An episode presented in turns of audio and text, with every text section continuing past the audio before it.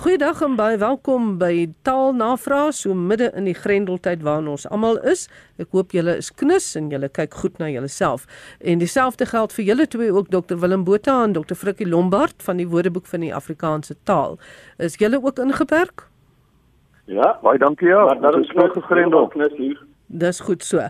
Nou Willem, kom ons spring sommer weg met 'n vraag aan jou. Jorina Oukamp wil graag weet of die woorde galletjie en vloerbrood nog iewers gebruik word. Haar pa was glo melenaar en dan het hy dikwels met hierdie woorde na sekere soorte brode verwys. Ja, Jurina sê dat sy op Oudtshoorn groot geword het en haar pa was 'n melenaar en by die bakkery waar hy gebak het, het hulle 'n vloerbrood gemaak.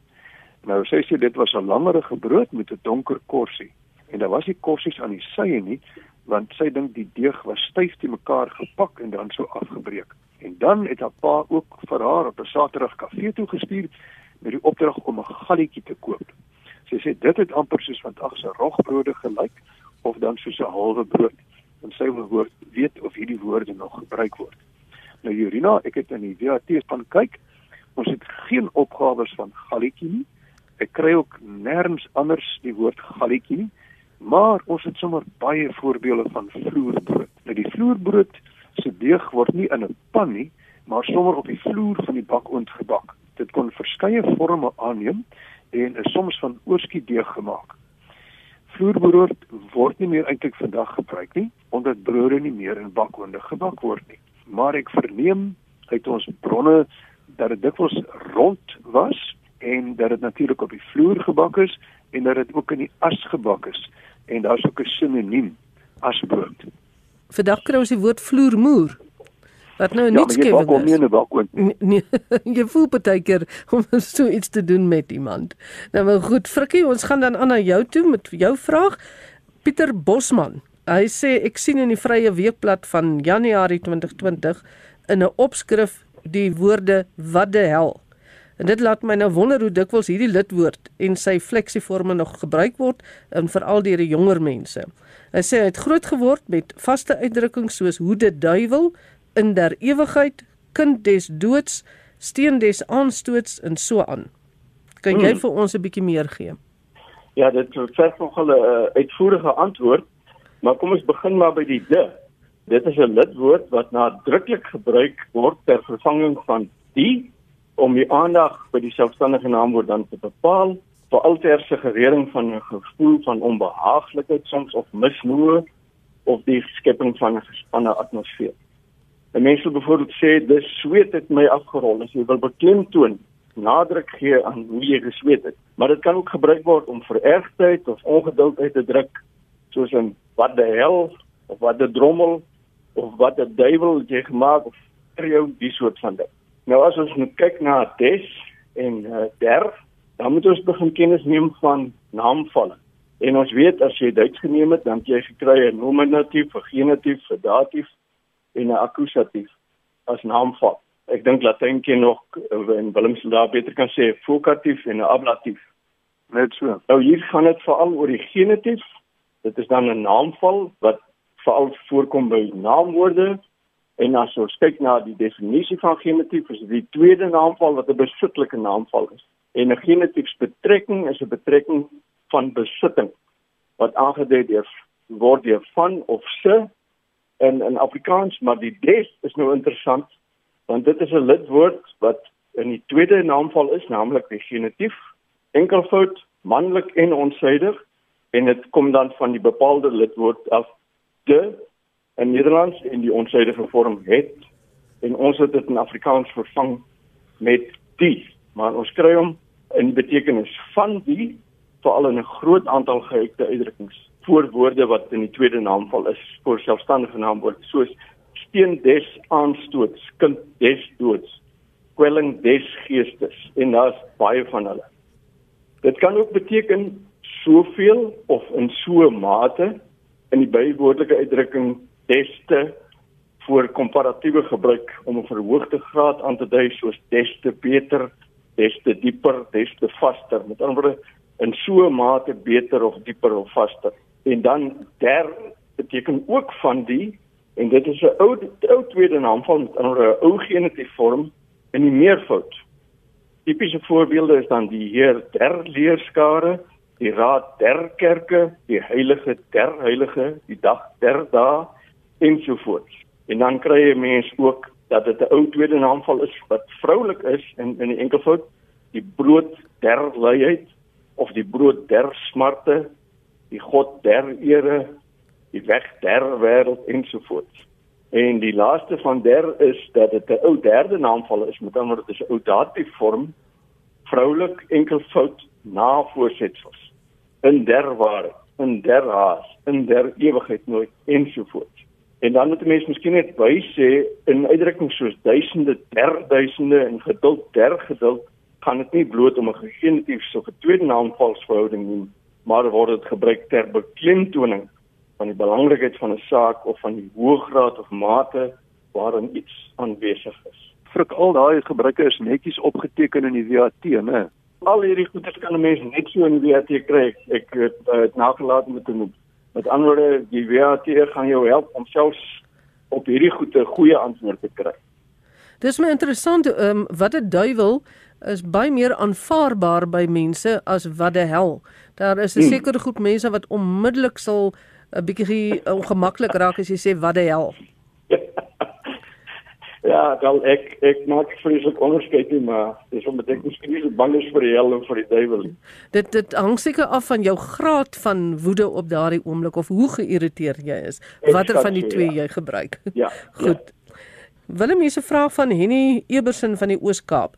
Hy vra of ons die uitdrukking flenter katiras ken. Ja, nie ons ken dit omdat ons dit in uh, die Woordeboek van Afrikaanse taal opgespoor het, maar interessant, in die Woordeboek is dit in die enkelvoud opgeteken as katira met as meervoud katiras. Maar ek let op, jy gebruik katiras in die enkelvoud. Jy sê byvoorbeeld ons het dit van kleintyd af gebruik en die bedoeling was om 'n stukkende ou ding te beskryf. Byvoorbeeld, hy ry 'n ou venter katiras van 'n kar. So miskien is dit 'n kenmerk van jou streek. Jy het nou nie gesê waar jy dit gebruik het en watter streek nie, maar baie interessant, die, die meervoudsvorm word jou as die enkelvoud gebruik. Nou volgens die die WAT is Katira streektaal, onder andere is dit opgeteken in Ceres in die Wes-Kaap en die meervoud dan Katiras. En die definisie is 'n ding, 'n affære en dit word neerhalend gebruik. En dit is presies uh, soos jy dit beskryf. Jy sê die bedoeling was om 'n stukkende ou ding te beskryf. En dan die voorbeeldsin in die WAT is dis darem 'n bont katira wat jy dra en dan word daar na iemand se rok verwys. So dit is absoluut 100% in ooreenstemming met wat ons in ons korpus het.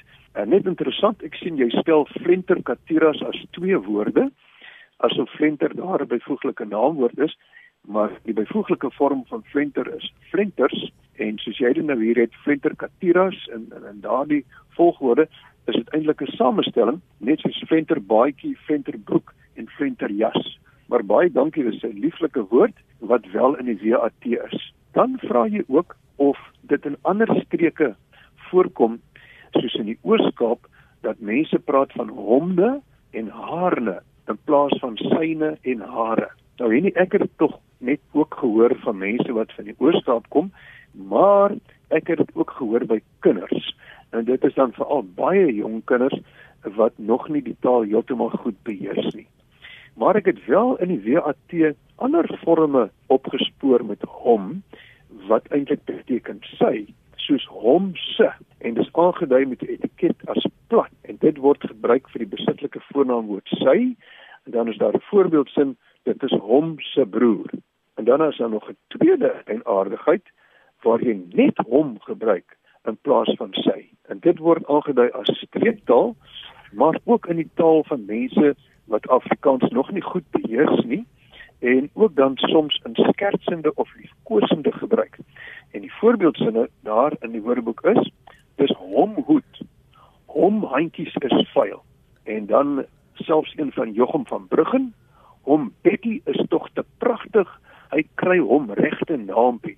Nou hoe kan jy duidelik um, aflei dat dit die verkosend of vertederend is wat hier gepraat word of met kinders. En dan is daar veral ook nog 'n uh, een aanhaling van Langehoven. Ek wil altyd hom soort gehad het in plaas van ek wil altyd sy soort gehad het. En hierdie woorde lê Langehoven in die mond van 'n redelik onopgevoede persoon wat nie Afrikaans goed beheers nie. So dit is baie interessant.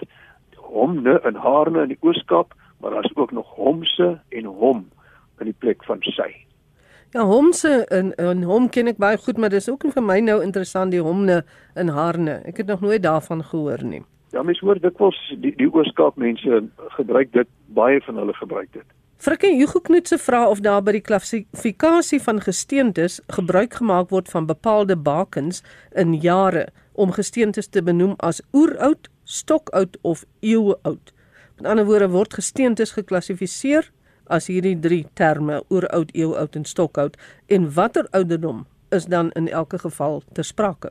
Ja, hierso ek het uh, maar weer gebruik gemaak van ons baie kundige en legendariese uh, adviseur in die verband professor Isak Rus.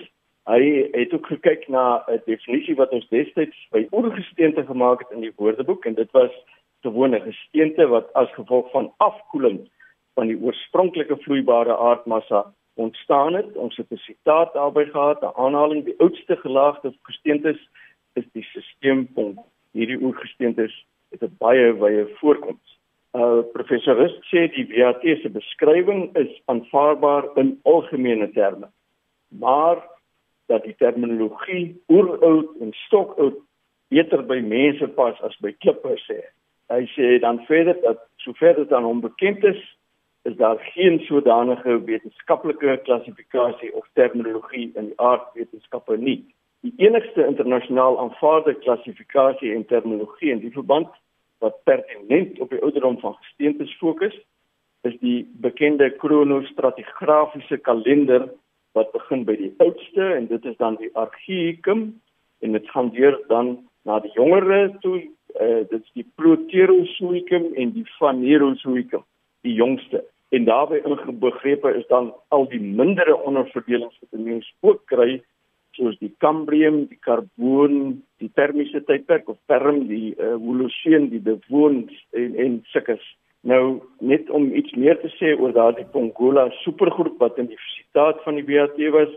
Hy sê in die huidige Mesocoronatiese tydskrif klassifiseer ons daardie supergroep uh, as behorende tot die Randiese eon dit is nou die geologiese kalendereenheid en dit is ook internasionaal bekend as die Mesoarchaeicum.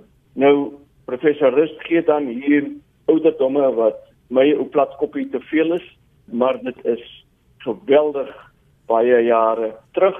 'n Mens kan sê so 4600 miljoen jaar ongeveer is die tyd van hierdie goeters terug. Hy sê alle aanduidings dui daarop dat die planeet Aarde teen sowat 4500 miljoen jaar gelede reeds voldoende afgekoel het om hier en daar drywende skotse vaste rots te vorm. Maar in die geologiese gesteente rekord is hierdie fase byna onherkenbaar. Globaal is dit volgens hom uiters seldsaam om herkenbare gesteente groepe van ouer as sowat 3600 miljoen jaar te kan identifiseer. Goed, ons gaan nou na Willem toe. Willem Ben nou die vra wat goeie Afrikaans vir die Engelse worst case scenario is en hy wil ook weet hoe ons grandstanding moet vertaal na Afrikaans. Nou worst case scenario is wat ons nou vandag doen waar ons net in midde van hierdie grendeltyd nie by mekaar kan wees nie en ek vir julle albei elkeen in julle huise moes bel op julle selfone. Dis nou ons worst case scenario vir vandag. Willem verduidelik. Ja, kom ons maak die beste van hierdie case scenario. Uh, 'n Scenario is natuurlik 'n voorstelling van hoe 'n situasie sal lyk in die toekoms of hoe iets sal verloop in die toekoms. Maar kom ons begin by die positiewe. Die beste scenario is jou ideale scenario. Dis die hemel wat jy skep, 'n wenslys vir die toekoms. Dan kry jy jy jou realistiese scenario. Dit is wat jy verwag wat sal gebeur. Dit is wat heel waarskynlik sal gebeur op grond van die huidige. En dan kom jy nou by die worst case scenario. Dit is die ergste. Dit is die hel. Dis wat jy vrees. En daarom kan ons miskien dan ook praat van 'n vrees scenario of die nagmerrie scenario. Dit wat jou laat wakker skrik in die nag of wat jou laat skrik. En dan kan ons daarom ook praat van die skrik scenario. So daar is drie alternatiewe ten minste vir die worst case scenario, 'n vrees scenario, 'n nagmerrie scenario en 'n skrik scenario. Maar van skrik gepraat Magdalene, die woord bohaio Ek het dit uh, onlangs raak gelees. Die woord bohai hou nogal verband met skrik. Want bohai is 'n samevoeging van die uitroepe bo en ha wat tot boha ontwikkel het in Nederlands en wat uiteindelik bohai geword het. En dit is hoe Nederlanders 500 jaar mekaar gelede mekaar skrik gemaak het. Hulle het gesê boha en later bohai as hulle mekaar skrik maak. Frikkie Fritz Klaaste noem dat Wynand Henus 'n voorstel het vir die Engelse spinning en hy noem dit dryfbeheer akrobatika. Wat dink ons daarvan? Spinning is nou oefeninge wat jy nou in die gimnasium gaan doen met die fiets wat jy so vinnig ry. Dit is een van die betekenisse van van spinning. Nou ek weet nie uh, of Wynand of die dryfbeheer akrobatika dis nou mooi saamgestel of dit werklik gaan uh jy weet vatplek kry in die taal nie. Uh maar ek kan net noem dat spinning reeds as 'n leenwoord uh, wat ons uit Engels kry natuurlik opgeneem is in die WAT. En hy het twee betekenisonderskeidings. Ek vermoed die eerste een is die een waarna hy verwys en dit is die aktiwiteit waarin iemand 'n voertuig op 'n beheerde manier in die ronde laat tol terwyl die wiele ook tol en die rook borrel staan en dit word alreeds in die in die pers gebruik Volksblad netwerk 24 praat van spinning met sy ontstaan in townships gehad waar manne met hulle aangepaste vuurwaans op Saterdag of Sondagmiddag op parkeertreine bymekaar kom en dan kyk wie kan sy motor en bande die meeste laat tol sonder om beheer oor alles te verloor. Die tweede uh, wat jy genoem het is die oefening gewoonlik van 'n hoë intensiteit en in groepsverband gedoen in 'n gimnasium op die maat van sterk ritmiese musiek en dit behels dat 'n mens 'n spesiale oefenfiets gebruik met 'n swaarder gemaakte vliegwiel wat jy teen verskillende weerstande en teen wisselende rotasiesnelhede van die pedale kan trap. Nou sal 'n mens op hierdie uh, apparaat ook kan spinning doen dat die rook later trek. Jy sal nog wel 'n bepaalde vermoë moet hê, hoor.